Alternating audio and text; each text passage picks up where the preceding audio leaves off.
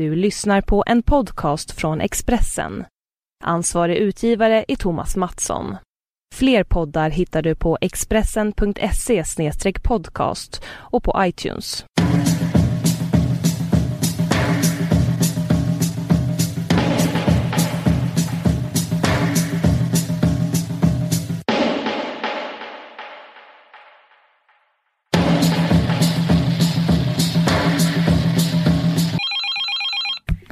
Caroline mitt i maten. Va? Minns inte när man var liten och sen så ibland så svarar folk så här, ehm, typ eh, familjen Olsson mitt i maten. Jag ville, jag ville säga det nu när du ringde. Sa, ah, sa de? Det, kom, det har jag nog Okej, men du är inte uppvuxen i ett villaområde på samma sätt som jag är. Är det mitt i maten? Ja, jag håller faktiskt på att laga mat. Men var det, är det typ lite aggressivt? Ja, det är superaggressivt. Typ såhär, vad fan. Varför ringer du mig? Ja. Det är jättekonstigt, vi har ju bestämt att du skulle ringa, men, eh, men det är liksom, det är väl en slags där, eh, härskarteknikens vagga. Jag vet inte. Jag vet inte om att typ att en vuxen säger så till ett barn som ringer och ska leka med en kompis. Det är jättevidrigt.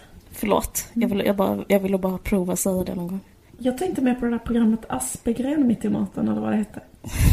Typ ett trevligt såhär, Caroline mitt i maten. Som att det var ditt nya, du snackade om det att du skulle ha ett matprogram. Jag lagar faktiskt jättegod mat just nu. Mhm. Jag steker brysselkål och sen så har jag i olivolja, citron och vitlök. Det blir jättegott. Ehm, Men du, hur är det med dig? Jo, det är okej. Ehm, jag är så här väldigt pollenallergisk. Uh, så jag typ snörvlar eh, hela tiden och ser så här helt förstörd ut. Jag ser typ rödgråten ut hela tiden. Alltså typ att man har här uh, pyttesmå igenmurade röda ögon och det brinner hela tiden snor från ens näsa. Okej. Så man ser ut så som att man har varit med om något fruktansvärt. Precis. Ny, nyligen varit med om något fruktansvärt. Och så ser man ut hela tiden. Ehm, Får du några fördelar? Ja men det är liksom olika i olika situationer. För man kan känna så här. Eh, liksom att det är olika jobbigt att se ut som att man har varit med om något helt fruktansvärt helt nyss liksom. Typ jag var på banken och då kan det kännas som att man är så här. Alltså där spelar det inte så stor roll. Om man ser helt rödgråten ut att det är helt fruktansvärt. Alltså typ så här. Det kanske kan vara en fördel att man ser lite seriös ut. Det är så här. Eh, något med att ens aktier har. Ta pengar på det. jag är så himla ledsen för att något har hänt med mina aktier. Ja. Var du på banken? Um, Okej, men ska jag vara helt ärlig. Nej, jag var på banken. Jag tog det som. Men en, en, en situation som är lite jobbigt. Det är jobbigt till exempel att se helt... Alltså, man går på stan med en kille och ser så här helt rödgråten ut. Mm. Det tycker jag är jobbigt. Det är inte Det är så här... Ser så, ser så himla deppigt ut att gå bredvid någon och bara se ut som att så här... Eh, man har ett sånt riktigt, riktigt, riktigt sjukt förhållande. Jag vet. Jag vet. Det, det är liksom så här... um, man vill ingripa själv om man ser någon sånt par. Exakt. trösta tjejen. Så kanske Men bara är pollenallergisk. Det är bra, sa bra du? säger. Då är man som ett sånt midsommar som jag bara säger nej det är bara pollenallergi. Han är jättesnäll mot mig. Ja, ja, ja. Det är typ the light version av jag ramlar i en trappa. Jag Precis. fattar. Okej. Typ jag är inte ledsen, jag var jätte, jätte, jätte allergisk mot björk. Jag fattar. Ja, jag, jag kan inte alls relatera. Och jag saknar empati så jag kan liksom inte alls sätta mig Nej jag ska Men jag har, jag, jag har ingen som helst allergi whatsoever. Det är ett, det är ett så klassiskt skryt. Uh, up my sleeve som jag brukar ibland säga i olika sammanhang. Ja, jag tycker det är så jävla töntigt att vara allergisk så jag brukar aldrig prata om det. Nu pratar jag om det här men Det är okej. Men det är sista gången. Nej, jag tycker det är så jävla hemskt att prata om allergi och sådär. Jag tycker det är liksom, det finns inget som, som är tråkigare och värre än folk som håller på att prata om sina allergier. Det är ju helt fruktansvärt. Det borde förbjudas i lag att prata om framförallt laktosintolerans orkar inte jag höra om. vad tycker du om gluten? Jag måste säga att glutenallergi är lite mer intresserad av än laktosintolerans. Ja. Och jag är fruktansvärt ointresserad av pollenallergi, alltså min egen allergi. Och ehm, stenfrukter. Men du, banan, eller? Om det är en sten... Nej, det... stenfruktigheten har stor chans. Okej, men du, eh, eh, nej men just det, banan är ett frö, förlåt. Nej, är inte alls meningen att jag ska prata om vetenskap varje, varje podd. Men det är väl en, ett frö egentligen, banan. Förlåt att jag säger det här. Jag, jag tänka inte ens svara på det. Men jag måste säga en sak angående pollen och dig. Ja. Det var när vi var på Roskilde, typ 1994. Ja. Eh, jag rymde ju hemifrån för att eh, jag var 14 bara. Mm. Och, ändå, och du skulle åka till Roskilde med ditt gäng, eller mitt gäng eller vad man ska säga. Ja. Och det är klart jag ville vara med på detta roliga. Så att eh, Men du fick inte åka för att du var för jag var liten? för liten, eller? absolut.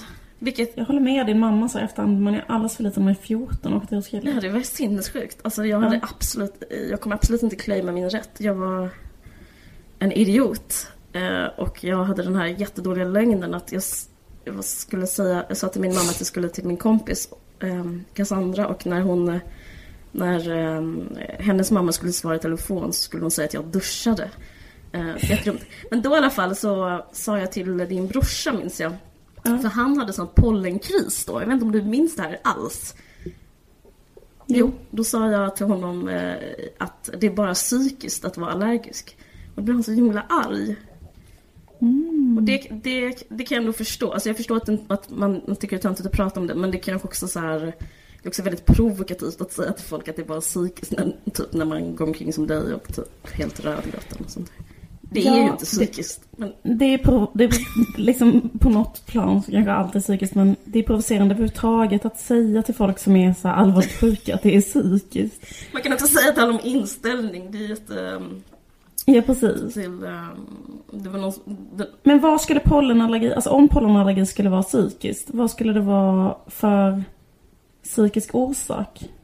Eh, nej jag vet inte, alltså jag sa ju det bara för att vara störig eller för att han var snygg. Alltså jag har absolut ingen, det var absolut, det var inte för att jag hade pluggat. Alltså jag var 14. Nej men jag vet inte, jag bara funderar på själv liksom vad det skulle kunna vara. För jag har hört så här, ja men typ så här, ja men det finns ju sådana som tror att, sådana som tror att sjukdomar är psykiska. Ja. De brukar ju ha, liksom typ så här, cancer är att man inte har så här, Aggressionerna inte... tagit tag i så här, Ja, man- man, man- förträngt Man växer en tumör istället för att eh, ta ett, liksom... Ja. Alltså jag ställer sublimera inte bakom det på något sätt. Det är så fruktansvärt sinnessjukt att säga så. Men så, Ja men det kan väl vara ett Men- sätt att protestera. Okej nu om vi nu ska gå in protestera mot våren. protesterar mot eh, liv, att livet fortsätter. Man kanske inte man kanske inte hänger med. Man kanske så här, eh, vill inte att livet ska fortsätta. Man kanske vill att livet ska gå ens egen takt. Och då så kanske man ser ledsen ut. Att, man, Naturen eh, hjälper en på traven att se ledsen ut. att gråta. Man är, man är liksom... Eller så är det att man inte alls är i kontakt med sina känslor. Att det är enda, ens enda output. Att, kan, att liksom eh, inom, inom, med sådana kaninöron vara pollenallergisk. Jag vet inte. Nog om det. Hur är det med dig? Jo, det är bra. Alltså jag, jag, jag skäms lite för att säga det, men eh, jag är i Kristianstad igen. jag är alltid här. Ja. Eh, och håller på att liksom försöka ta mitt körkort. Eh, men det är helt okej. Är det att du älskar eh, nordöstra Skåne? Eh, nej, alltså tvärtom kan jag känna ett nytt...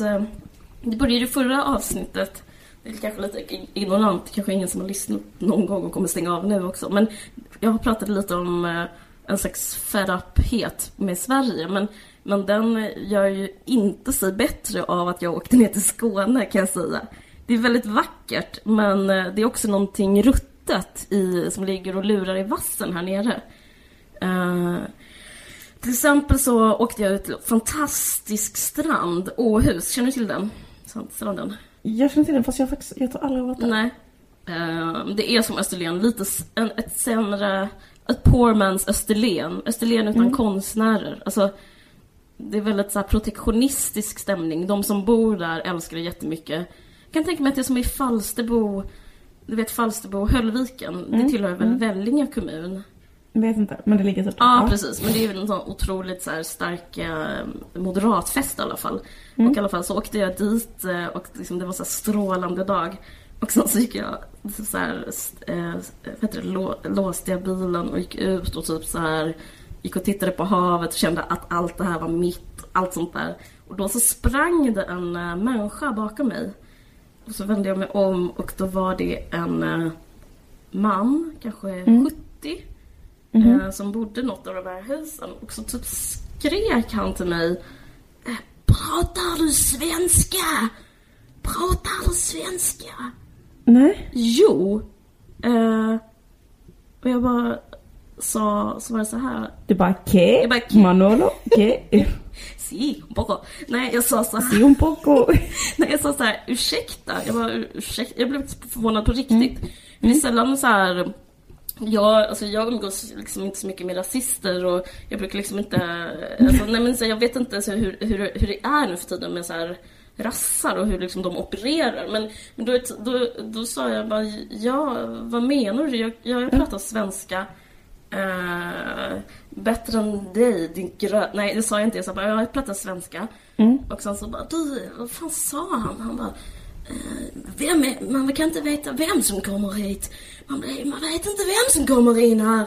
Alltså det var så ro, inte roligt, men det var liksom som att han så kokade ner en hel typ av eh, våg, eller liksom en hel typ av strömning i sitt i sin här, totala rädsla som blev aggressivitet. Och, han, och jag var jag var invandraren och han var liksom det som alla försöker skydda. Det var så konstigt, för han pratade om att, att han, var, han visste inte vem som kom till Åhus. Liksom.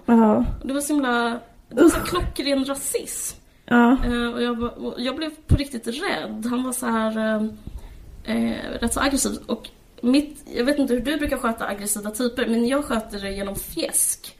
Så jag var så här, åh men gud vad bra att du... eh, Men för han var mycket starkare än mig och större än mig. Så jag bara, men gud vad bra att du påpekar det. Eh, För han också ravade någonting om eh, parkeringsluckor. Att eh, man kan... Alltså det är så ointressant. Det här är värre än pollenallergi. Alltså det är någonting om att om sopbilen kommer nästa morgon så kan man... Kan min backspegel bli kapad för att det är så smala vägar. Ja, Något okej. sånt skit. Aha, aha. Jag bara, vadå, det här var lördag. Var typ att du hade ställt bilen på fel ställe. Men jag hade inte Nej. det, men ifall liksom den skulle komma, ifall. så det var, inte, det var ja. liksom bara en slags... Eh, han pratade liksom i metaforer för att han sa så här. Jag vill inte att du ska vara här. Jag vill inte att du ska stå där. Jag vill inte att din bil ska vara här. Jag vill inte ha dig här liksom. Så Ja, han så, så, så pratade han i andra, han sa det på andra han sätt. sa det liksom i form av så här backspegel, sopbil, eh, parkeringsruta liksom. Jag fattar. Men, men, men då bara svarade jag typ såhär, förlåt, eh, det var jättebra att du påpekade det. Tänk så, tack så mycket för den informationen, det är någonting jag ska tänka på. Eh, Så som man är kanske i förhandlingsmöten eller som man är mot chefer, att man alltid ska säga ja liksom för att det skapar... Usch vad vidrigt. Ja, Ja. det, det var lite så vidrigt. Men det är också så här. Eh, eh, jag tänkte så här, det är kanske inte tid och plats att så här hävda min rätt om han vill typ slåss. Eh, för det, han, han liksom, hans ögon glödde av aggressivitet. Jag fattar. Men, Men eh, samtidigt... du lyckades få honom att, att lugna ner sig? men det, är ju, det är rätt så avväpnande att vara liksom, trevlig mot någon för det finns ju inget svar på det. Typ som någon är, om någon, alltså jag har ju ingen, vad ska han svara? Alltså det är väldigt svårt för honom att fortsätta argumentera med aggressivitet. Så han bara, ja, ja, ja, ja, ja, och sen så bara gick han därifrån liksom. Men, eh, förstår du vad jag menar? Vem är det som Jag har, först- eh, Finns någon historia någon som gav bort alla sina pengar när någon kör? Jag kommer inte ihåg. Men det, det vet så här att man bara så här, ja men du...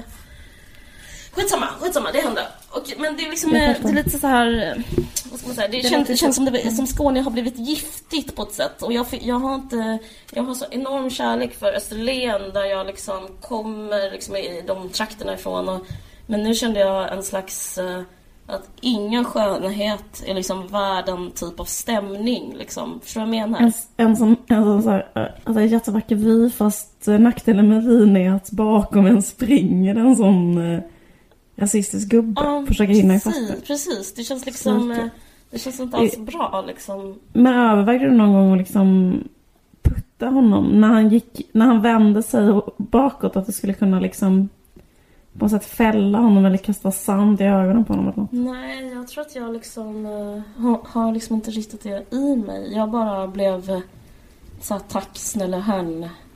Jag vet inte. Nej, jag, jag blev väldigt så här, överrumplad på riktigt av hans beteende.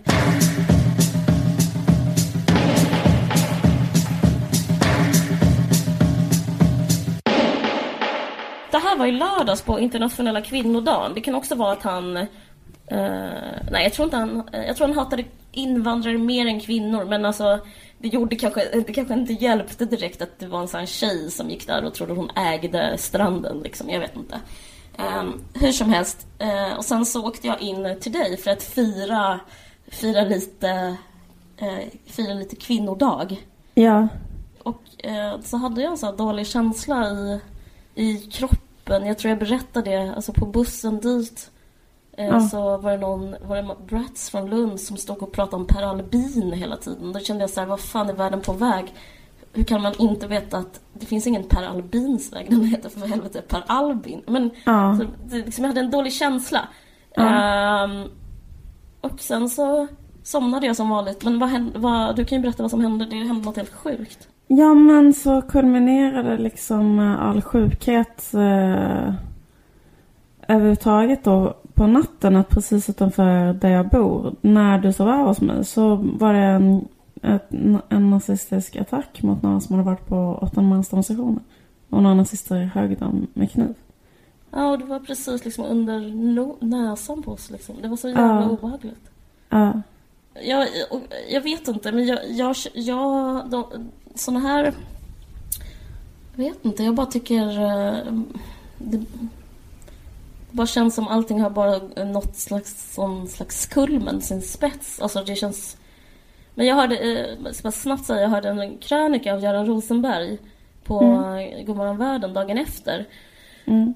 Då pratade han, eller han citerade Marx och, som, och så sa han eh, det går ett spöke genom Europa. Och jag, tyckte var så här, ah, vad skönt att han typ tar upp det citatet för att det är typ så det känns. Att det är liksom det här med mm, att jag blev så utskälld på grund av att jag typ har kastanjebrunt, extremt långt fint hår. Eh, och att eh, Ett ett vackert. vackert svall. Nej, jag skojar. Ja. Det var inte det vi skulle prata om. Och att eh, det är en total aggressivitet nedanför fönstret där vi firar kvinnodagen, eller vad man ska kalla det. Mm.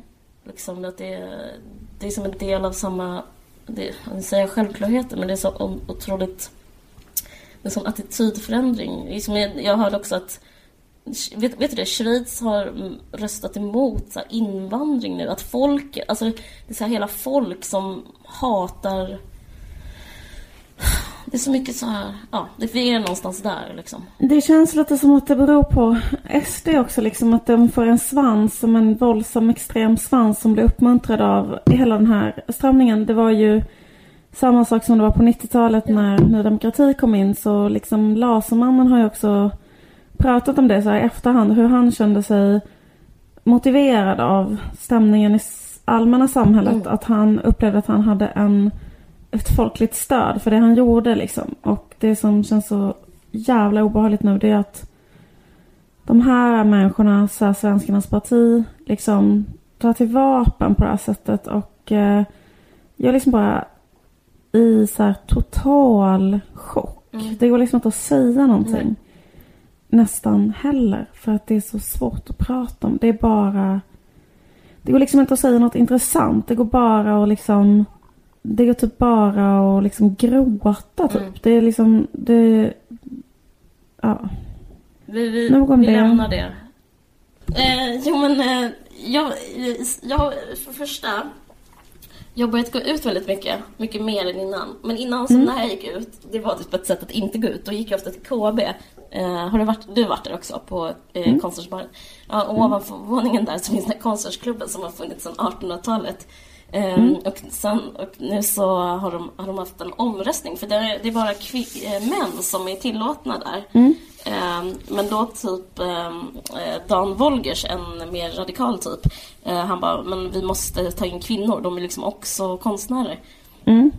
Men eh, så nu har de haft en, en, en om, omröstning och det är så sjukt för att 89, jag vet inte vad siffrorna nu, men eh, 30% röstade för eh, att det skulle komma in kvinnor, att det både ska vara män och kvinnor i konstnärsklubben och sen så 89, procent, eh, 89 stycken röstade emot. Så den kommer fortfarande vara man, det kommer fortfarande vara en- som en mansklubb. Ja. Eh, jag bara tycker det är lite... Och Tycker du att det är fel? Ja, jag tycker det, eh, jag tycker det är fel. Jag liksom känner mig kritisk också. Det, det, han som är ordförande heter Ingvar Jörpeland och är... jag känner mig kritisk på det. Nej, men han, han är eh, så här, riksspeleman och skulptör. Och eh, han så här, försvarar sig med, med att eh, det motsvarar väl en tjejmiddag. Det är ett citat han har sagt. Så han typ så här, vill säga att det är... Typ tjejerna har sin tjejmiddag och vi har typ vår... eh, Fackförening för konstnärer? Ja, precis. Eller? Är det som en slags fackförening för konstnärer? Alltså är det typ att man diskuterar så här... Ja, Man ses och pratar och så kanske man diskuterar arvoden och sånt? Eller har det med det att göra? Eh, jag tror att det är liksom som en... Eh, Klubb, Ja, en liksom. klubb för manliga kon- konstnärer. Funnits sedan 1856. Alltså det är typ så här ett ställe att... Eh, det är extremt goa lokaler. Det är så här skitmysiga så här röd och bruna lokaler. Vi har ju varit eh, på fest där när Stig Larsson petade mig i ansiktet bland annat. Och eh, liksom det, det, det är härliga lokaler och där så tror jag att man kanske tipsar varandra. Sånt som man gör typ när man mm, umgås liksom och hänger med folk eh, som håller på med, ens, med samma yrke och man kanske så här Eh, man det är ett slags kontaktnät och, och sen så i bästa fall kanske det är typ att prata om konsten som eh, konstens roll i samhället. Jag vet inte. Nej. Jag kommer ju aldrig få veta det heller. Inte du heller. Men, eh, Nej, precis. Men jag tycker, så, jag tycker också det är faktiskt lite så här ett spöke går genom Europa som liksom varning att liksom hur, hur kan konstnärer vara så konservativa? Det känns, känns så sjukt. Alltså det är alla så här framstående konstnärer, manliga konstnärer i Sverige som är med där. Peter Dahl och alla. Okej. Det är liksom inte, det är inte, det är inte bottenskrapet. Jag fattar. Jag vet inte riktigt. För på ett sätt kan jag tänka så här. Det liksom blir som ett slags zoo. På ett positivt sätt också. Förstår du vad jag menar? Jag blir lite så här att jag blir så här som... Att det är som någon slags liksom experimentkoloni som man kan liksom titta på. Eller förstår du? För att det är så pass... På ett sätt vill man bevara det på samma sätt som man vill bevara pingviner. Eller förstår du vad jag Ja, menar? jag fattar. Mm. Typ att det är så här, eller jag vet inte. Tror du att det är en utdöende art, den typen av eh, manliga genikult eller macho manliga genigrej som liksom ändå om man får säga är ett, är ett drag inom liksom så här den manliga konstnärsidentiteten genom historien. Tror du, att den är på, tror du att det är på väg bort eller tror du att det är liksom intakt? Jag vet inte. För jag har liksom pyttelite känslan att det är på väg bort. Och då tänker jag att de här, så här, att det här är som ett slags gäng pingviner som står på sånt där smältande isflak typ. Du menar att liksom när vi är väl av med de här, de lär ju vara typ cirka 80 bast och sånt. När vi är väl av, av med dem så kanske... Nej, det menar jag inte. Jag menar mer att så här, att det blir en kuriositet på något sätt. Att de får ha det där manliga genikult. Jaha, det kan vara kul som en, en så Ja, det kan- exotisk... Ja, men det kan vara eh, som ex, ett exotiskt inslag. alltså jag vill... Som att samerna ska ha, få ha eh, i- rätt att jaga ripa fastän ingen annan får jaga ripa. Förstår Okej. du? Att det kan vara så här. Vi måste... Man skulle kunna ta dit skolklasser Ja, ja, och se hur man levde förr. Ja, Eller ja. vad menar? Alltså de sånt där. Eh, Att det blir som Skansen. ja, jag fattar. Jo men det, det ja visst. Eh, jo men det, så skulle det kunna vara. Eh, men du måste bara säga, jag läste en artikel där de listat sina argument. Jag måste Ja. bara säga dem till dig bara för att Mm. om du tyck, fortfarande tycker så här. Jag tycker det här med tjejmiddagen var ett starkt Det var ju- argument. Men har de fler? Ja, det här. Män tycker om att umgås med andra män. Det här presenterades på en powerpoint. Menar du allvar? Nej, den 7 november 2013 kom det här på powerpointen. 1. Män tycker om att umgås med andra män. Manlig gemenskap är något fint. Där ska inga kvinnor störa. Eh, källa på det, eh, nej. 2. Väljer man in kvinnor som ledamöter kommer det inte finnas sittplatser åt alla i lokalen. Jag äh. Tre. I, Det är superkul. Men då tänker man så det där, för då hade man lika då hade man kunnat ha, liksom, man hade kunnat ha en annan grund då ju. Okej, men ska man precis- fortsätta. så, mm. I konstnärsklubben bjuder traditionen snapsvisor och annat. Det dricks en hel, helt enkelt en del. Men, men kvinnor och män klarar inte av att dricka tillsammans. Det kommer att bli likt en firmafest, en massa flörtande hit och dit. Kanske en homo-ordförande, den här lyxspelmannen. Jag vet inte. Fyra. De manliga konstnärernas fruar är lugnade av att veta att där inte finns några kvinnor. Så sjuka argument här. Okej. Fem. Konstnärsklubben bör inte bli som en båtklubb. Så ska man förstå vad det är. Men nu står det ändå en parentes. Det vill säga bli som alla andra föreningar. Slut på parentes. Det blir konstnärsklubben om man börjar välja in kvinnliga konstnärer som ledamöter. Man, be, man bör bevara det fina med en herrklubb. Totalt emotionellt alltså. Det, det var ju inga argument som höll där. Men de hade ändå besvärat sig med att göra en powerpoint. Det måste vara en del av myset. Du, alltså, det, här är liksom så här meta, alltså den powerpointen måste ju vara en sån här meta-sätt att, typ vad gör de, det, det kanske var en, den kvällen med den powerpointen eh, var ett sätt att vara en herrklubb på. Alltså det är väl sånt de gör liksom. Alla kommer, man, lyssnar på, man, man håller med varandra, kollar på den powerpointen och sen så sjunger man bara snaps. Och. Men menar de att det inte går, alltså att det är, så, det är liksom ett väldigt så här radikal åsikt att det inte går att män och kvinnor dricker tillsammans. Alltså att det skulle vara en så här anomali att tänka sig att det är så här omöjligt att föreställa sig män och kvinnor dricka sprit i samma lokal. För jag tänker det är väl liksom det vanligaste. Jo, men de, är- de, de är emot det här flörtandet. Men det är ju samma som ehm, när jag var i New York och läste den där boken fan, om chassiderna. Jag vet inte fan vad den heter nu.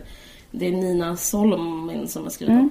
Eh, och då är, de har också samma argument för att för då får inte heller kvinnor och män festa tillsammans. Så när de har så stora eh, fester i eh, synagogan så, är de på, ol- så står kvinnorna på balkong och tittar på när männen ravar. Men, männen går in i en slags trans och bara dansar, dansar, dansar, dansar. För att om de skulle typ dansa ihop så kanske typ eh, De skulle börja knulla. vilja ligga med honom. Ja. Ja. Det är ett speciellt sätt att så här, eh, reglera lust på. Eller som, eh, som att det är, det, det är något yttre. Det finns ingenting man själv kan göra som människa. Utan det är bara så här. Om det står en kvinna där. Ja, då kan inte jag ta ansvar för vad som ska hända liksom. Men tänk också liksom att deras kvinnor då absolut inte är konstnärer, eller? För då skulle ju de kunna följa med. Men då är det typ så här. Just det, det utgår de också från. Vad Men roligt. liksom utgår från att deras fru är något annat. För det måste jag nog ganska många som är gifta med en annan konstnär, tänker jag liksom. Det finns många. Men förlåt, förlåt, jag måste bara säga en invändning mot mig själv i det här snacket. Mm. Det är också lite för lätt att... Förstår jag menar? Det här är som en sån, det här är vitt bröd. Alltså det finns inget tuggmotstånd. Nå, att det här händer är ju liksom... Jag är inte stolt en varje söker sin poddare när jag pratar om det här. För det är så jävla dumt. Alltså det är så... Det behöver ju ingen analys. Det är bara idioti alltihopa.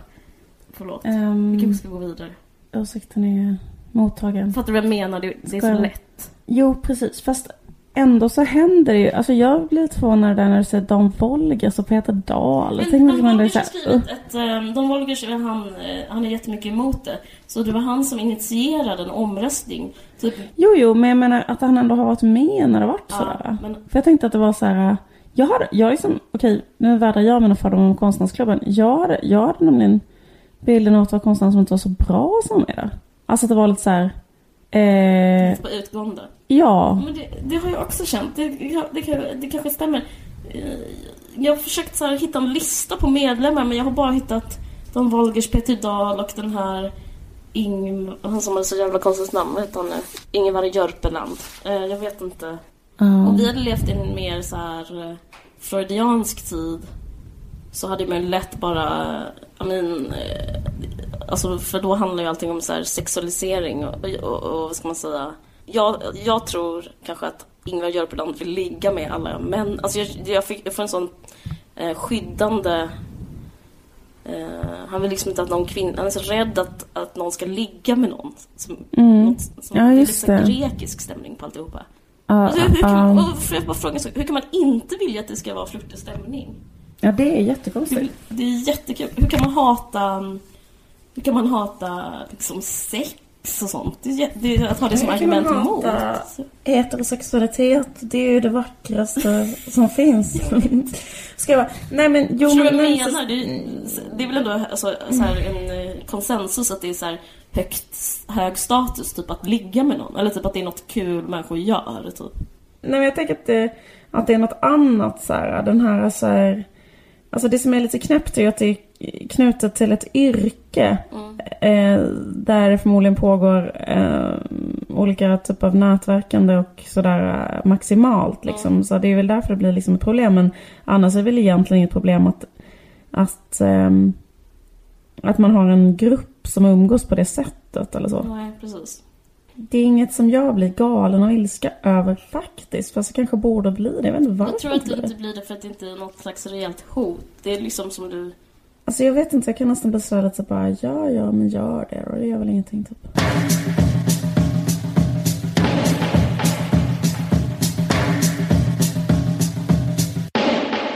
Vårt samarbete med natur och kultur, Ja. det blev ju... Vad ska vi säga om det? Vår podd har ju startat ett samarbete med natur och kultur. Mm. Och då förra veckan, eller förra avsnittet, så sa vi så här i vår podd bara om ni mejlar info.naturkultur.se då ska ni få En gratis ljudbok. en gratis ljudbok. Eh, sagt och gjort, våra lyssnare mejlade. En av våra lyssnare mejlade Mm. och då fick hon tillbaka ett svar så här. Vad pratar du om? Vi har inga ljudböcker som vi bara delar ut. Eh, Det låter ju sinnessjukt. vinstdrivande förlag. Vad vill du? Vad är vill du oss? I så fall kan du höra av dig till pressavdelningen annars. Hej. Hon bara, en varg söker sin podd har sagt att man kan få... Hon bara, en varg what söker what? Vi är ett förlag som arbetar med en budget. Kan du... Nej men typ Ja. så. Ehm, nej men det är jättekomiskt för att den här människan var inte informerad om det här Nej, samarbetet. Så, det var en person i receptionen. Ja, precis. så det är som, det, är så, det skulle vara så jävla kul, det man tänker, alltså jag vet inte vad, vad hon tänker, eller vad man tänker så här att det ska vara så kul om det var så att vi bara helt fritt hade hittat på det. Ja, Alltså det, det fick faktiskt mig att tänka att, man, att vi har en möjlighet att, att verkligen på riktigt bara hitta på någonting. jag vet. Ja, men det, fast vi... eh, Jag tror att vi är för dumma för det. Alltså, Ja, det känns inte som vi är såna alltså, proffsiga lurendrejare som ska så, dra folk vid näsan och sånt där. Det känns Nej. som man måste ha en slags skill. Sen efter det gick det ju jättebra. Det var bara att hon inte var informerad, just hon. Precis. Och den här ganska ett nytt erbjudande på Naturkultur. Precis. Kan du säga vad det är? Ja, alltså nu är det så att man kan köpa en bok, en helt nyutkommen roman av en debutant som heter Negar Nase. Fantastiskt.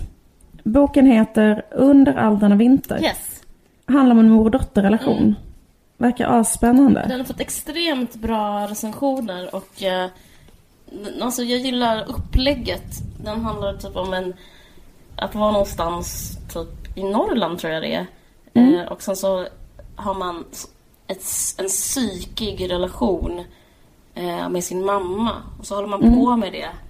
Och så skriver hon om det på ett så här väldigt um, skarpt sätt. Precis. What's not to love? Ja precis, men då är det, och då är det så att man kan köpa den för bara 99 spänn. Fast den är en helt ny inbunden bok, bla bla bla. Eh, via vår Facebook-sida, gå in där. Där kan man köpa den för 99 kronor. Till och med fredagen den 21 mars.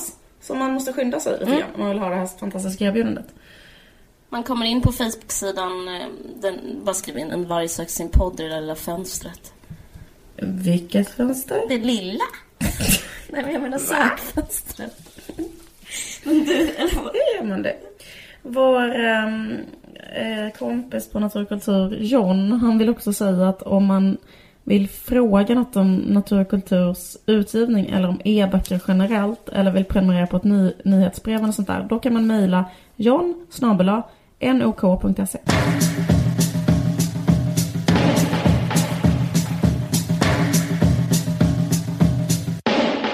Jag håller på att försöka sälja en cykelvagn på Blocket. Så är mitt liv. Det är så jag lever. Och nu så kom det en eh, tvåbarnsmamma från Höllviken. Och ville köpa den. För 2000 Det är fantastiskt. kontant. Ja, det känns fantastiskt. Fan vad gött. Men du, Jag tänkte att jag ska använda. Det är så bra att ha tusen lappar i kontanter. För jag... När jag just går till min psykolog. jag vet vad du ska säga. Jag tycker det är jättekul redan. Men säg det till lyssnarna. Berätta, vad händer på vägen dit? Vadå? Jo, så här, för jag, nej men det är bättre du säger det här. Jag vet Nej men jag, jag vet inte vad du, vad du tänker på. Jo, så här. Eh, det är så himla många tiggare i Malmö, så mellan ditt hem och vägen dit så har du, du har ju bestämt att du ska ge, alltid ge pengar till tiggare. Mm. Och, eh, men att varje gång du går till din psykolog så ja, blir du ruinerad. Men, eh, men 2000 will do the trick, tror jag faktiskt. Ja, det var faktiskt inte det jag tänkte på, men det är i och för sig kul att du tänker så. Nej men, ja, för jag hade en idé innan ett projekt att alltid ge pengar till tiggare, men grejen är att det projektet har jag lagt ner, för det går inte, för att det finns så många. Ja, speciellt när jag går till min psykolog som ligger så långt ner i stan, för då går man förbi kanske tio tiggare på varje, varje väg liksom. Ja, jag vet. Nej men jag har faktiskt problem med min psykolog som är att jag vill ju egentligen sluta gå till henne. Men jag eh, liksom kan inte säga det till henne. Jag ska bara säga en metagrej, eller vad man ska Mm. säga. Eh, ja, det finns nog kanske ingenting jag älskar så mycket som när folk pratar om sina psykologer. För mig är det liksom ett sånt mys. Alltså det är liksom, eh, det är så roligt. Och jag nog fler har det här problemet. Att man vill sluta gå till sin psykolog men man... Eh, och man tänker det när man går dit, man bara peppar sig själv jättemycket. Bara idag, idag jag ska säga att jag inte behöver gå i terapi längre eller inte vill. Och sen så kommer man dit och blir så himla liksom invaggad i ett mys. Så att man känner att man kan inte säga det för det känns som att göra slut. Ja. Och typ så här, man tänker så här, innan, innan tänkte jag till och med så här, jag kan, kan säga till att vi kan göra en paus. Det är så som också, när man egentligen vill göra slut så säger man ju så här, ja men ska vi ha en paus typ. Ja. Men jag kunde inte ens komma på det här med pausen. För när jag väl var där så tänker jag så här, jo men det här funkar ändå, det här, är, det här går bra. Mm. Det är inget större fel på det här. Ni kanske kan gå i parterapi? Jag och min psykolog. Mm. Ja, precis. Men, Nej. men jag har en kompis som uh, two-timade med sin psykolog som gick åt, åt två samtidigt. För jag tror det är ett vanligt problem, det du beskriver. Ja. Eh, och han eh, hade inte hjärta liksom, att avsluta den ena, så att han så här, eh, Men han ville inte berätta för någon att han liksom saw someone else. Så att liksom det var... Det, alltså allt blev ju helt meningslöst. Alltså man ska ju inte ljuga för sin psykolog. Men det är ju en Nej. klassisk grej att det är ju väldigt många som gör. Det, måste, ja, det gör man ju ibland. Man vet ju vad hon vill höra. Det blir ju så trevligt om man säger det som hon vill höra. Ja. För man känner sig så som att man är duktig. Ja. Men grejen är att eh, det är svårt att säga att man ska sluta för att hon är ju liksom en, en auktoritet. Ja. Och om hon då typ säger så här, eh, för jag började med att säga så här, jag tror jag bara behöver gå varannan vecka, inte varje vecka. Och då var hon så här, eh, ja ja, om det är vad du tror. Alltså, ja, vi kan ju se hur det Lycka till. går. Vi kan ju se hur det går, typ sån stämning. Det är Men jag jätte, tänker- jättekul. Jag betalar ju henne, liksom, det är en privat psykolog, Mm. så att hon har ett intresse också av att jag ska vilja fortsätta gå där. Mm. Jag hoppas verkligen att hon inte lyssnar på den här podden. Det Som gör han inte. Eh, eller? Nej, det gör han inte. Nej, men, eh, men jag skämtar lite också, det fattar ju du. Det fattar ju Fattar du, eller hur? psykologen. Du som lyssnar. Du är svinnöjd nu. Det- Därför att mitt mål är att plisa min Jag psykolog. vet. Det är jättekul. Sjukt att hon skulle få reda på det på det här viset. Det är Nästa gång du kommer det. dit och bara... eh, så sitter hon typ så med bortvänt huvud. Du bara, vad är det? Hon bara, inget. Och sen så kommer det fram. Deppigt. Men jag har en annan kompis som berättade om att han var som psykolog och den psykologen liksom drack kaffe ur en mugg som såg ut som en dödskalle. Alltså en riktig dödskalle. Typ en sån Och bara liksom satt och stirrade på honom. Och sen så bara tänkte att du sitter och berättar om någonting jättehemskt. Så bara typ tar ett fast grepp om en stor dödskalle och bara så här sörplar ur den samtidigt. Ah, det var Så fan... svårt att koncentrera sig på något sätt. Ja, Och så är det verkligen. Man skulle kunna tolka det som aggressivt. Ja, det är ju svi... Alltså det är ju liksom distraherande i alla fall. Men min, min kompis, hon berättade för mig en väldigt intressant grej angående psykologer. Att man så här får lära sig någonting som heter matchning. Känner du till det? Mhm. Och det upplever jag att min psykolog håller på med i in absurdum. Typ om jag är så här. Alltså du vet hur det är på Expressen Kulturfesten och hon bara Alltså jag vet. Typ så. Fast hon aldrig typ, hon vet, hon jag, jag har i och för sig inte pratat om Expressen Kulturfest eh, på min, hos min psykolog. Men förstår du vad jag menar? Att man så här, eh, och det är ett sätt att få den andra att känna sig så pissbekväm. Att man är så här, man är totalt sedd. Varenda yta, varenda cell av en är, liksom, är bekräftad där och då. Jag har hört massa sådana grejer, typ att det finns en så här... Att psykologen bara Typ om man skrattar. Man bara oj, alltså fast de inte alls tycker det är roligt. Men typ att det finns någon sån här kurva så här för hur de ska få en att känna sig trygg. Ja. Typ att första året så liksom är de bara för positiva och ens vänner och sen efter det så när de har invaggat en i trygghet så, så, så ska de typ um, börja utmana en. Alltså typ att de, att de går efter sådana scheman och sånt. Ja, ja. Jag vet inte. Och de är liksom good cop bad cop i en person liksom. Alltså, att först så här mjuka upp en, sen bryta ner den. Mm. Ja, ja. Skitsamma.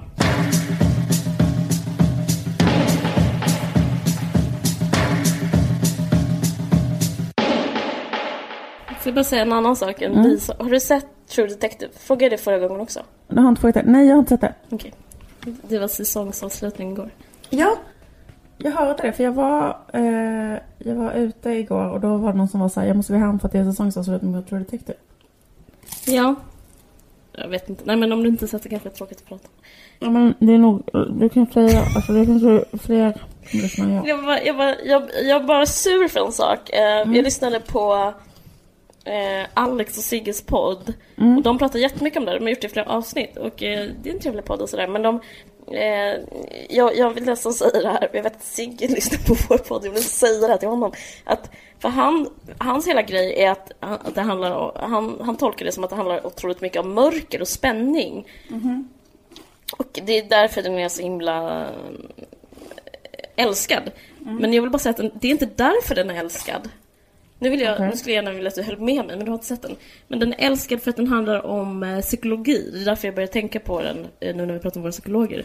Att den handlar extremt mycket bara om vad är en människa? Mm. Det är så himla intressant. Det handlar bara om, en, handlar bara om så här, vad, hur utgör... Vad är det att vara människa? Så handlar det bara om det avsnitt ut och avsnitt in och avsnitt ut och avsnitt in. Eh, och jag, inte, jag tycker det är intressant att det finns det behovet att man vill... Den är bara så extremt djup på det viset. Och alla bara älskar det. Älskar att få reda på orsak och verkan. Vad, vad kan ett trauma leda till? Vad så här, hur kan aggressivitet manifestera sig? Vad händer om man blir sviken? Den handlar bara om sådana grejer hela tiden. Eh, och därför, eh, alltså jag rekommenderar att se den för den är liksom en studie i eh, psykologi. Alltså den är väldigt inspirerande. Jag är så dålig på att kolla på tv-serier. Jag liksom gör inte det så jättemycket. Men eh, jag vet att du älskar den här serien. Mm. Man skiter i det. Ehm, Jag var på um, PK-debatt igår. ja. Eh, som, som du också pratade om i den här podden att du var på en gång. Mm. Vad var det nu du diskuterade? Poddar kanske? Jag tror typ den heter Myggar och tigrar i poddens värld. Spännande. Ja okej, spännande. Nej men, um, Vad heter din? medier och feminism. Alltså. Och den Varför var du inbjuden? Skoja. den utgick lite grann från Belinda Olsson-dokumentären. Ja. Men eh, det är lite roligt som eh, en Malmökomiker som heter Johannes Finnlaugsson som har sånt skämt om Belinda-dokumentären som är så här. Den delade upp svenska folket i två grupper. En grupp som tyckte att den var jättedålig och en grupp som inte hade sett den. För det är ju lite så. Mm. En enig, alltså det var ganska, ganska så enig panel. Hur får man säga?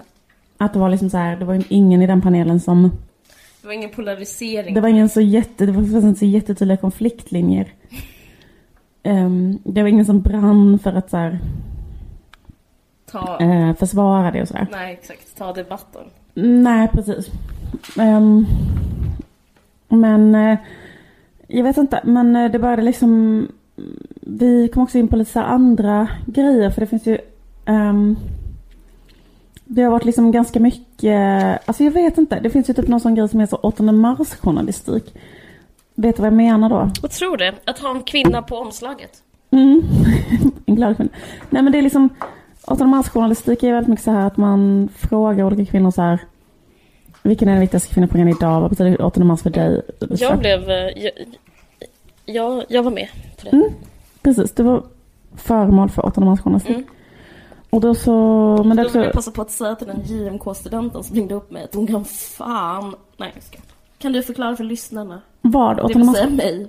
ja, men, Det är, v- vad- men liksom, jag tänker mer att det är liksom att man gör ett ganska så litet så här som på något sätt handlar om feminism men som ganska mycket kanske fokuserar på personer. Man gör kanske så här, mm, vad tycker du om det? Ja men du vet så lite, men lite sådär, Mm. hallå där. Mm. Caroline Ringskog för Raddanoli. Vilken är den viktigaste kvinnofrågan idag? Det blir sån slags reportage. Jag, jag lägger ingen värdering i detta. Låter det som jag lägger en värdering i det? Ja, ja. Ja. Men, jag, men det, jag tycker det är skitsamma, jag lägger värdering i det. Vad lägger du för värdering? Jag tycker, det, jag tycker det är lite stört att liksom göra det till en individgrej. Mm. Till en så här biografigrej. Och jag, det, det här, nu kommer jag kritisera vår alma mater och dig. Nej men till exempel Expressen hade så de 100 viktigaste kvinnorna i Sverige. Jaha. Och då var du med där på en. Jaha, det visste jag inte. Du vann. Nej jag. Jag var på plats ett. du vann inte men du var kanske med. Det låter helt sinnessjukt. Förlåt, jag vill inte kritisera vår alma mater men jag tycker, åh gud vad hemskt. Nej, det låter det är ännu värre när jag kritiserar vår alma mater i och med att jag, kanske, jag var inte med på listan. Ja precis, det var det. Ja. Men, men jag bara tycker det är så himla vad- vad- konstigt ja. sätt att eh, prata om feminism på. Otroligt konstigt. Att så här, ja, men vi gör en lista på hundra goa tjejer som är... Eh, och då har man gjort vad? Alltså vad, vad har man sagt då för Mm. Ja. någonting? Har man sagt något om att så här, äh, undersökningar visar att äh, typ 100% av alla arbetarkvinnor har ont i kroppen varje dag. Eller typ så här en gång i veckan Exakt. minst. Alltså typ så här, har man sagt någonting om typ kvinnofattigdom? Har man sagt, alltså det, det som jag tror är misstaget är liksom att man tänker att man ska göra någonting som handlar om feminism när det viktiga egentligen, egentligen är att journalistiskt belysa patriarkatet. Alltså Ja, visst. feminister som människor är ju inte intressanta. Nej, jag vet. alltså, jag vet. Men, det, är liksom, det intressanta är ju så här, men gör, man orkar då göra ett jävla gräv om typ så här äh, arbetsförhållandena på olika typ vidriga kvinnliga arbetsplatser. jag typ hur mår eh, liksom. De inte, som... Det är inte värre med det. Alltså skriv om något, om något som händer. Som, det fin, jag tycker det finns ett, en poäng att prata om allt som är skit. Förstår du vad jag menar? Ja. Det är det ena, men sen så liksom det andra är ju att det skulle vara fett om typ lite så här sakfrågor liksom diskuterades istället för personer liksom. Alltså svag, skitsamma, stark, skitsamma. Alltså, det... åh, jag vet inte, det är så Mm, Det kan konstigt. så. Det var, jag läste väldigt lite sånt. Det, är, det enda, är det för att vi lever i ett bildsamhälle? Att man hela tiden vill ha typ en en bild på en kvinna? Så jag förstår inte riktigt vad som händer. Nej. För det var, fick också en kritik, för det var många, till exempel var det att de som blev tillfrågade och så här, vad betyder, nu för, alltså, om vi kallar det 8 mars journalistiken, vad betyder fe- feminist för dig, vad är den viktigaste frågan, vilken är din, vem är din förebild kanske? Eh, då var det väldigt så här, många vita, alltså, svenska mediafeminister som blev tillfrågade. Och på sådana listor där du var bland annat var det massa, många vita Ja. feminister. Mm. Eh, kanske att det var bara det eller något sånt där. Eh, förutom någon helt off som kanske inte alls var feminist. Ja, hur som helst. Ehm, så, så, det, så blev det så en buzz i uh, SOSMED som var att så vad jag tycker det, det, det finns, fanns en, så här, ja, en stor diskussion som många förde som handlade om så här, varför får inte svarta eller så här rasifierade eller eh, icke-vita då, alltså, som, eh, varför får inte de säga vad det är att eh, den viktigaste feministiska Ja, frågan. ja, Ehm, med det här argumentet, för de har ju helt andra erfarenheter. De har eh, de skulle kunna berätta hur det är att vara svart och vara kvinna, till exempel. Att vara från eh, Somalia och vara kvinna. Mm. Och, du hör ju så här långt att det är en god tanke. Mm. Det är en positiv tanke. Men samtidigt så... Nu låter det som jag bara så lyssnar på olika mäns poddar. Men jag hörde så här Filip och Fredriks podd som handlade om att de pratade om en slags rädsla som är så här, vi får inte... Man får inte uttala sig om frågor man inte själv har upplevt. Och, och det tycker jag är en slags tillbakagång från, från någon stämning som vi hade för några år sedan där det var Eh, att det var tanken som var viktig, att man inte behövde, alltså den här, den här grejen om man är bög behöver man inte representera homosexualitet, om man är kvinna behöver man inte representera sitt kön. Eh, Och det här med att man ska representera hur det är att vara en svart kvinna, för mig har det väldigt lite med eh, feminism som, ska man kalla vetenskap att göra, förstår du vad jag menar? Mm. Alltså det är väl på två sätt. För grejen är att samtidigt så är det någon slags instrument så här, för att det är ju så att det bara är, alltså om man kollar på så här hur journalistkonst ser ut, att det är liksom helt snövitt liksom, eller att det är så himla himla mycket så. Ja men att det- media är rasistiskt, det är ju en sak. Ja, Svensk media är super uh, utestängande. ja. Men jag vet inte, ja, precis, då, då skulle man kritisera det fast med bättre argument. Det är det du menar? Ja, Typ att så här, att inte använda argumentet så här. Alltså målet är att det ska vara mycket mer eh, diversifierat. blandat, ja. diversifierat.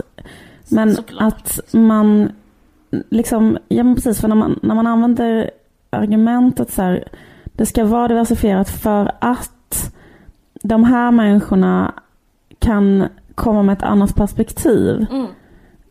Då, då blir det liksom något kon- det menar du där då att då, då det blir något konstigt att de måste då representera exempelvis så här, Jag menar att man måste ha en högre eh, tro på människor som är att eh, människor kan tänka abstrakt. Att någon som är från Finland kan ha en åsikt eller liksom en, läst en eh, eh, någonting som den kan förmedla om hur det är en, alltså ett, ett, ett missförhållande på ett annat ställe än just det stället den personen befinner sig ja, Att det finns, ehm, att det finns en fara med erfarenhetsbaserade eh, den, liksom, den erfarenhetsbaserade representativa eh, Alltså att det, det, att, att det, att det liksom står, går i clinch med abstrakt tänkande och det är viktigt med abstrakt tänkande, liksom empatiskt ab- abstrakt tänkande. mm, Men jag vet inte, jag vill absolut inte säga då alltså ska inte någon annan än, vit, än en vit person nej nej det förstår jag. sig. Det bara jag tycker att argumentet är liksom Ja men... ehm, Man, må, ja. man, måste få, man måste ha liksom hö, högre intellektuell nivå än att berätta precis som man själv varit med om för att eh, man måste kunna få ha rätten att tänka abstrakt liksom, och rätten att vara empatisk. Ja. Eh, Snarare typ finns det en brist på det väl. Alltså, eh, och jag, du vet den här grejen att det finns, alltså typ det med konstnärsklubben, att de röstar med, för män och sådär. Det, jag, alltså, om man ska säga något allvarligt om det så är det väl ett slags eh, symptom på att eh, de känner sig undanträngda och vill ha sitt och liksom eh, att det, eh, som att det finns en slags eh, de får ändå, alltså typ ett missnöje liksom, som att man får ändå inte uttala sig. Vi vet liksom, vi gör vad vi är bra på och liksom Alltså det, det bästa vore ju att, typ att de så här, tog upp en bok och började scrolla på Adlibris, beställa böcker och började läsa eller liksom jag vet inte, eller få, få kunskap och liksom också arbeta feministiskt och att deras liksom eh, hudfärg och kön inte skulle hindra dem till det. Det är liksom Det tycker jag så här, skulle vara visionärt liksom. Men vad, vad, varför pratar du Jag har avbrutit dig, du pratar om PK-debatten, eller hur? Eh, jo, nej, men det var ju i, i den här panelen som verkligen så här, eh, som var liksom lite irriterade av den här trenden som man kanske kan kalla för så här representationstrenden. Som är att man vill att det ska vara eh, till exempel eh, rasifierade personer, kvinnor och sådär och att man då som argument använder att eh, liksom en, en, en man kan aldrig berätta en kvinnas historia eller en vit kan aldrig berätta en rasifierad historia och så. Och han, och det var en sosse med i den här panelen som är en eh, jävligt, eh, eh, vad ska man säga, flamboyant sosse som ofta Eh, Den bästa sossen, en flamboyant sosse. Eh, och han eh, greps av eh, vrede över detta. Att, eh, att, att man liksom... Det som han menar, han berättade en ganska rolig historia om att han hade varit på en fest på Möllevången. Och eh, där det hade varit så här, typ tio par med så här, småbarn och så. Och att han hade så här i mellandagarna varit på en sån mellanfest. Och eh, där hade han så här helt ensam mot alla dem. Eh, försvarat, så här, blodigt försvarat så här, Thomas Ledins rätt att säga jag är Jason. Eh, för alla andra människor på festen hade menat att eh, vad heter det, Thomas Ledin har ingen rätt, Thomas Ledin kan inte kalla sig Jason.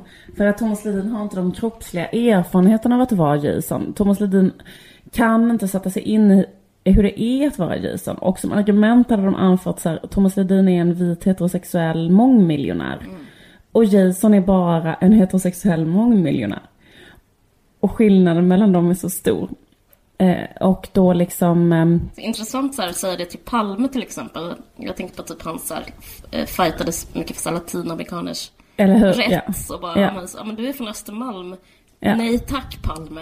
Ja. Nej men det är ju liksom att avskaffa, alltså då tror man ju liksom inte att solidaritet är möjlig. Nej. Eller typ så här att, att det är möjligt att så här, ehm, eller ideologi, det avskaffar också ideologi. Ja. För att antirasismen är ju en slags ideologi eller en tanke eh, eller vad man ska säga. Att man, att man tänker att så här, eh, hudfärg och härkomst Mm, den abstrakta tanken. Ja, det spelar ingen roll. Nej. Och den, den, den ideologin måste ju Thomas Ledin vara kapabel att eh, tillskansa sig. Och kunna vara förespråka Ja. utan att ha den kroppsliga erfarenheten. För han kanske också har en annan kroppslig erfarenhet. Alltså ibland kan det också vara så att om man har en erfarenhet av någon typ av förtryck så kanske man lättare kan förstå en annan form av förtryck och så vidare. Fast grejen är att det är ju också så att det är svinviktigt att, att, att liksom ha folk som har de erfarenheterna för att Absolut, men man måste, Annars måste är- kan det vara tungan rätt förstå. i mun. Alltså man får inte så här, man, det känns som att om, det känns som typ så här, media torkar morgongruset ur ögonen och man säger vänta lite, alla är vita. Och sen så blir det så här, och det, det är en underbar grej att folk börjar vakna så här, men, men samtidigt så finns det ju någonting, det är liksom slutledningen som blir knasig. För att för mig blir det väldigt så här, deprimerande att ingen någonsin kan förenas kring något. Utan att alla ska gå bära på sin eh, summa erfarenheter. Och sen så bara, ja men jag kan bara prata om hur det är att vara ihop med Sickan, med vad heter det, men hon är ihop med en sån kändisdotter. Ja, precis. Vad heter hon? Sickan Ka... Eller vad heter Sickan? Sickan Sticka. Stickan. Ja, då kan hon kan bara berätta om det, den typen av förtryck. Ja. liksom. Och det är intressant också. Men jag menar, det kan ju inte... Han måste ju ändå kunna få vara empatisk eller så här, vara visionär eller... Alltså, han är, alltså, jag vet fan vem han är liksom. Du fattar vad jag menar? Ja, men liksom ehm, det är också liksom så här hela grejen. Jag tänker på så att typ, um, skönlitteratur eller typ sådana saker är ju viktiga för att det är fan rätt intressant för typ skönlitteratur, alltså läsandet går ju ner typ jättemycket i skönlitteratur. Att folk vill bara läsa dokumentär, dokumentära berättelser och sånt där. Men skönlitteratur är ju exakt den grejen. Alltså att man går in i en annan människa och upplever genom dens ögon eller Ja, sådär. ja. Att man liksom gör rolluppdragen och empatisk och liksom hela den grejen. För det finns ju också sådana där studier som visar att man blir mer empatisk när man läser skönlitteratur. Man måste ju tro att det är möjligt att så här, äh, få liksom erfarenhet, alltså Mm. typ att läsa en bok och få en erfarenhet. Jag vet inte. Men Nej, men det är också så jävligt viktigt för att man, eh, det är så liten, eh, liten, eh, vad ska man säga, litet utrymme att röra sig på för det är så lätt, alltså, man kan säga, säga fel så lätt. Alltså, det är extremt viktigt att vi, eller alla säger att eh, det måste bli en slags, att det måste bli rättvist vem som får jobba var. Liksom. Eh, till exempel, eh, skulle man kunna, alltså till exempel det är, det är orättvist att det bara män sitter i bolagsstyrelse men också orättvist att det är bara så vita som får föra ett kulturellt samtal. Det här Ja. pratade vi om innan också med Beatrice Ask och eh, Jonas Hassan Khemiri, alltså för länge sedan. Men liksom att det är... Jag vet inte, jag känner att det här det är så självklart att det måste... Det inte bara kan vara vitt. Det är ju liksom rasistiskt. Men jag tycker också, alltså på ett sätt kan jag också, också liksom tycka att så här, att bara prata om representation, det är så himla opolitiskt också. För att så här, om man tänker så här hur samhället ser ut och så tänker man bara så här, ja men min politiska vision det är så att det ska komma in rasifierade och kvinnor på alla ställen där nu, alltså typ så här, i bolagsstyrelser ska det vara rasifierade och kvinnor. I taxichaufförer ska det vara kvinnor. Eh, liksom, eh, vad heter det, i media ska det vara eh, liksom eh, alla dumma jävla liksom program som går på tv ska det vara också kvinnor. Alltså så förstår du vad jag menar? Filip och Fredrik, att det ska vara en svart kvinna med i deras program.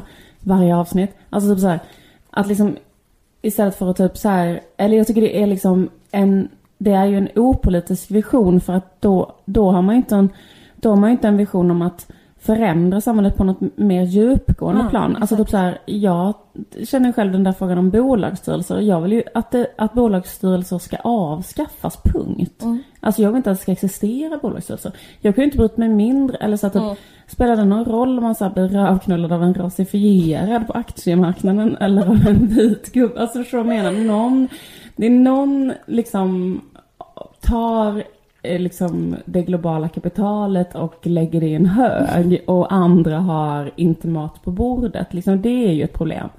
Det är inte ett problem vilken hudfärg den har som gör Tar, det. tar dina pengar. Eh, Nej men precis, för att så här, eller det är klart, enligt en liberal världsåskådning så är det ju det. För då är det så här, ja men det borde vara möjligt även för en eh, rasifierad att bli, eh, komma högst uppe på den eh, toppen eller sådär. Eh, med sina två händer och så vidare. Men, eh, men jag vet inte, om man, om man har en idé om samhället som är att man vill, att man, att man eller liksom att jag tänker att så här, Ja, ja, ja, jag förstår exakt vad du menar.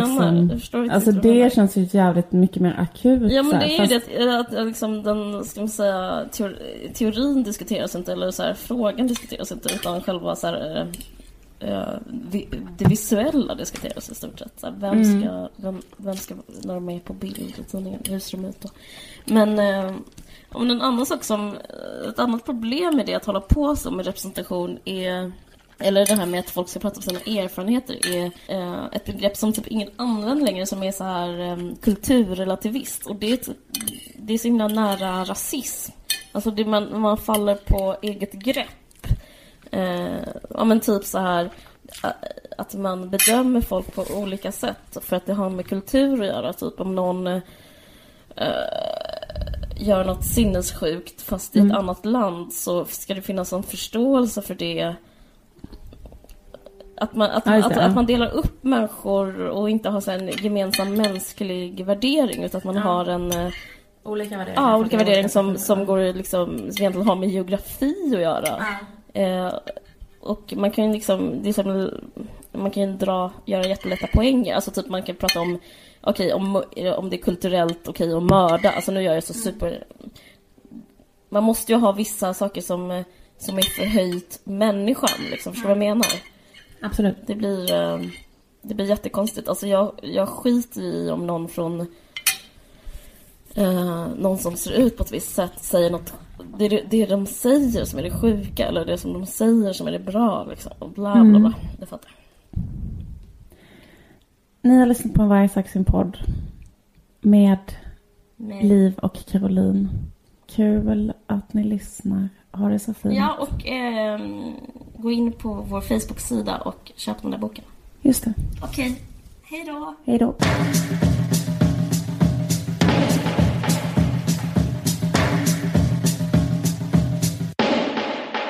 Du har lyssnat på en podcast från Expressen. Ansvarig utgivare är Thomas Mattsson. Fler poddar hittar du på expressen.se podcast och på iTunes.